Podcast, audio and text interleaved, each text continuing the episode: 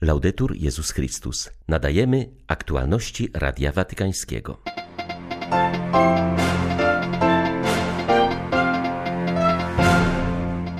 Papież zaprasza młodzież do nadziei, bycia poetami nowego ludzkiego piękna oraz przypomina, że marzenia buduje się razem. W Mosulu na równinie Nieniwy chrześcijanie i muzułmanie wspólnie odbudowują wielki meczet, katedrę oraz klasztor dominikanów, powiedział francuski zakonnik żyjący w Iraku. Dzisiaj Kościół w wielu krajach przeżywa Dzień Modlitw za ofiary nadużyć seksualnych. 19 lutego witają Państwa Krzysztof Bronk i ksiądz Krzysztof Ołdakowski. Zapraszamy na serwis informacyjny. Kryzysach ujawnia się serce człowieka, jego solidność, jego miłosierdzie, wielkość oraz skromność. Kryzysy stawiają nas przed koniecznością wyboru drogi i zaangażowania się w nią. To słowa przesłania, które papież skierował do uczestników Kongresu Edukacji Religijnej zorganizowanego pod patronatem archidiecezji Los Angeles z okazji 65-lecia jej istnienia oraz 50. rocznicy Dnia Młodzieży. Franciszek zaznaczył, że pandemia mocno naznaczyła życie ludzi i historię naszych społeczności. W obliczu tej rzeczywistości potrzebne jest budowanie jutra, patrzenie w przyszłość – a to wymaga zaangażowania, siły i poświęcenia ze strony wszystkich. Ojciec Święty zwrócił uwagę, że powinniśmy działać w stylu Samarytanina, czyli pozwolić, aby dotknęło nas to, co widzimy, w przekonaniu, że cierpienie nas zmieni i pozwoli zaangażować się w cierpienie innych. Zapraszam Was do nadziei, która mówi nam o rzeczywistości zakorzenionej w głębi osoby ludzkiej, niezależnie od konkretnych okoliczności i uwarunkowań historycznych, w których się żyje. Wy młodzi bądźcie poetami nowego piękna ludzkiego, nowego piękna braterskiego i przyjacielskiego i pamiętajmy o tej drugiej rzeczywistości. Marzenia buduje się razem, Podejmijmy marzenia jako jedna ludzkość, jako wędrowcy z tego samego ludzkiego ciała, jako dzieci tej samej ziemi, która jest domem dla nas wszystkich, domem dla każdego, z bogactwem jego wiary oraz przekonań, dla każdego z jego własnym głosem, ale wszyscy jako bracia.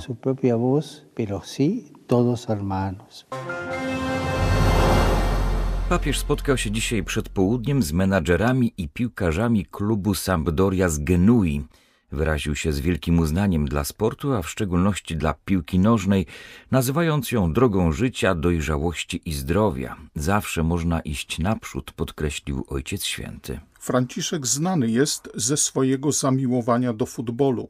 Uważa on, że szczególnie w tym sporcie trzeba iść naprzód, ale nigdy samemu – zawsze liczy się drużyna, powiedział zespołowi Sampdori.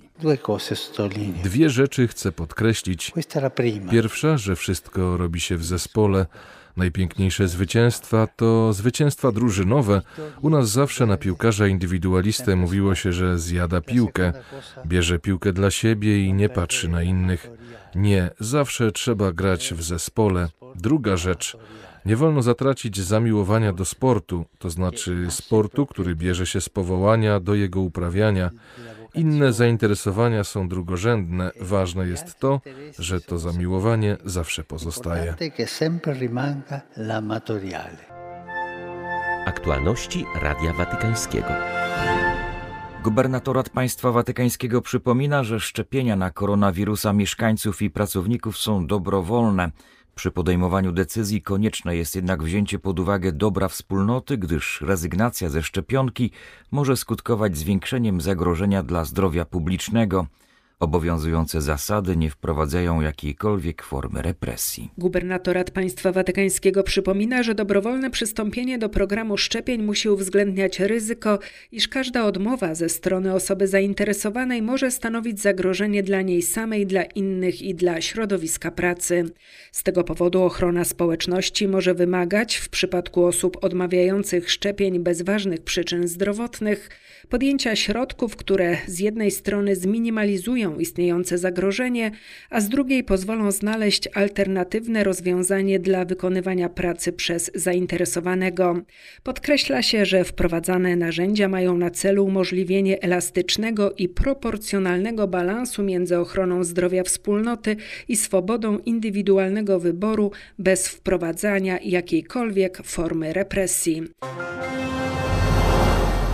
przesłaniu podpisanym przez sekretarza stanu Stolicy Apostolskiej, kardynała Pietro Parolina, papież Franciszek pozdrowił organizatorów i współuczestników Solidarnościowej Inicjatywy Oddychaj Peru, wspierającej osoby zakażone koronawirusem i ich rodziny. Zapewnił ich o swoim wsparciu i modlitwie. W ramach kampanii zbierane są fundusze na respiratory i sprzęt medyczny potrzebny na oddziałach covidowych w związku z drugą falą zachorowań, która nawiedziła Peru.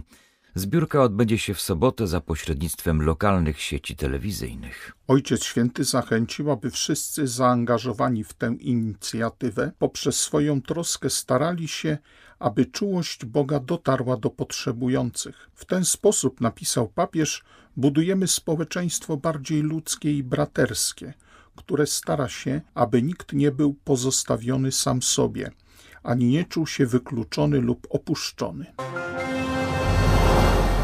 Arcybiskup Turynu wezwał zakony, parafie, a także osoby prywatne do otwarcia drzwi swoich domów dla bezdomnych, którzy w tych dniach stawiają czoło przeraźliwemu zimnu. Apel jest reakcją na śmierć dwóch osób, które dzień po dniu zamarzły na ulicach tego miasta. Jako chrześcijanie nie możemy się biernie przyglądać, musimy zrobić krok dalej i otworzyć na gościnność, apeluje arcybiskup Cezary Nosilia. Arcybiskup Turynu podkreśla, że w sytuacji, gdy wiele osób nie chce pójść do noclegowni, ponieważ są one przepełnione, trzeba pilnie znaleźć inne rozwiązanie i dać im ciepły kąt w klasztorach oraz w parafiach. Sam dałem przykład otwierając drzwi biskupstwa dla bezdomnych. 30 osób korzysta tam z pomocy nie tylko w nocy, ale i w dzień. Zrobiłem to już kilka lat temu. Teraz dodatkowo przyjąłem kilka osób w swoim domu, by pokazać, że pod naszym dachem może znaleźć się miejsce dla braci i sióstr przeżywających trudności. Na apel odpowiedziało już kilka zakonów, dając dyspozycyjność przyjęcia od 4 do 5 osób. Zareagowały też parafie. Teraz postaramy się zjednoczyć siły i skoordynować nasze działania z wolontariuszami od lat wspierających bezdomnych.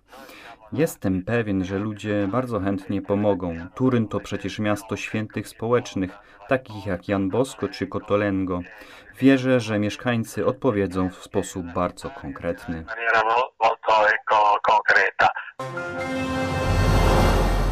Wizyta papieża w Iraku może pomóc w odbudowaniu wzajemnego zaufania między chrześcijanami i muzułmanami, a tego dziś najbardziej potrzeba w tym kraju. Odbudowę można zadekretować, wzajemne zaufanie nie, zauważa ojciec Olivier Poquilon. Francuski dominikanin był w przeszłości sekretarzem generalnym Comesse. Od ponad roku żyje w Irbilu, gdzie jest duszpasterzem obcokrajowców i pomaga w odbudowie chrześcijańskiej wspólnoty w tym kraju. W rozmowie z Radiem Watykańskim podkreśla, że pilniejsza od odbudowy materialnej jest odbudowa wzajemnego zaufania.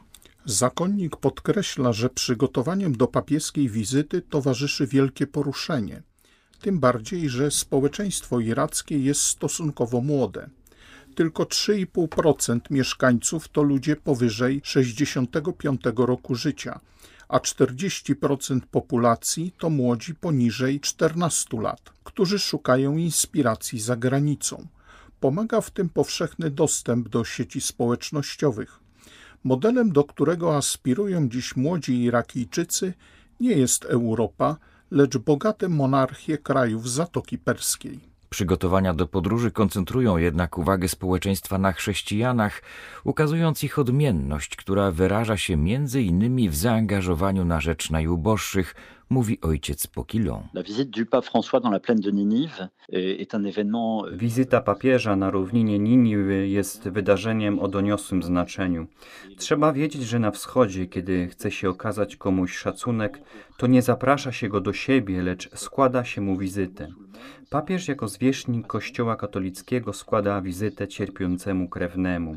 Wizyta w samym Mosulu będzie wyrazem współczucia, modlitwy, a nie deklaracji politycznych. Ma ona miejsce w sytuacji, kiedy chrześcijanie i muzułmanie wspólnie odbudowują trzy główne obiekty Starego Miasta wielki meczet, katedrę i klasztor dominikanów. Można deklarować wzajemną bliskość różnych religii, ale żyć nią na co dzień to coś całkiem innego. Myślę, że papież będzie starał się nawiązać kontakt z tymi konkretnymi ludźmi, którzy są zaangażowani w rozwiązywanie tych problemów. Dialog międzyreligijny można prowadzić na szczeblu teologicznym czy politycznym, ale przede wszystkim musi on rodzić ludzkie braterstwo. Papież da o tym świadectwo najpierw w Ur, idąc po śladach Abrahama, a potem na równinie Niniwy po drogach Jonasza.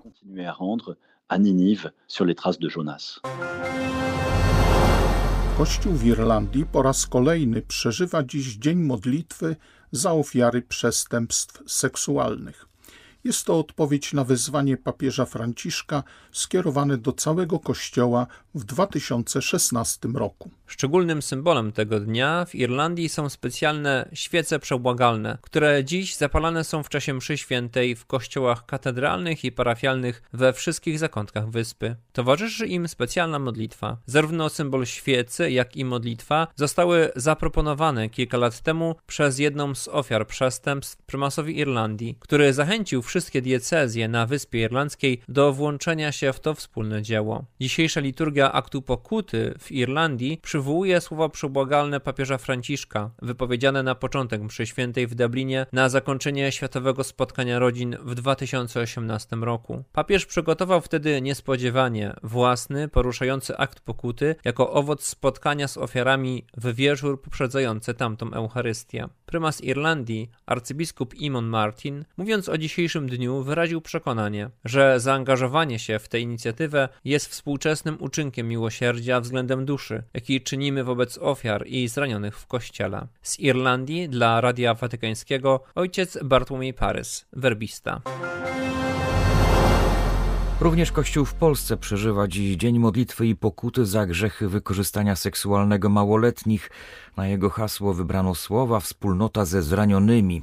Powstała także specjalna strona internetowa skierowana zarówno do duszpasterzy, jak i osób skrzywdzonych. Już w roku 2016 episkopat polski zdecydował, że pierwszy piątek Wielkiego Postu w Kościele w Polsce obchodzony będzie jako dzień modlitwy wynagradzającej i postu za grzechy wykorzystania seksualnego osób małoletnich. Jak zauważył arcybiskup Stanisław Gondecki, przewodniczący episkopatu, to także odpowiedź na apel papieża Franciszka. Chcemy podkreślić, że skrzywdzeni mają prawo liczyć na to, że na długiej i trudnej drodze zdrowienia nie zabraknie im także wsparcia całej wspólnoty Kościoła. Chcemy po raz kolejny wyrazić też poprzez zaangażowanie wszystkich duchownych, zgromadzeń zakonnych, wspólnot parafialnych w całej Polsce tę inicjatywę, która jest solidarnością z pokrzywdzonymi. We współpracy z duszpasterzami osób pokrzywdzonych i Fundacją Świętego Józefa Konferencji Episkopatu Polski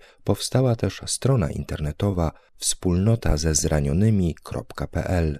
Znalazły się tam materiały pomocne w towarzyszeniu skrzywdzonym i animowaniu wrażliwości we wspólnotach. Z kolei osoby skrzywdzone znajdą tam dane kontaktowe do duszpasterzy osób pokrzywdzonych, którzy udzielają duchowego wsparcia. Dla Radia Watykańskiego Rafał Łączny, Katolicka Agencja Informacyjna. Były to aktualności Radia Watykańskiego. Laudetur Jezus Chrystus.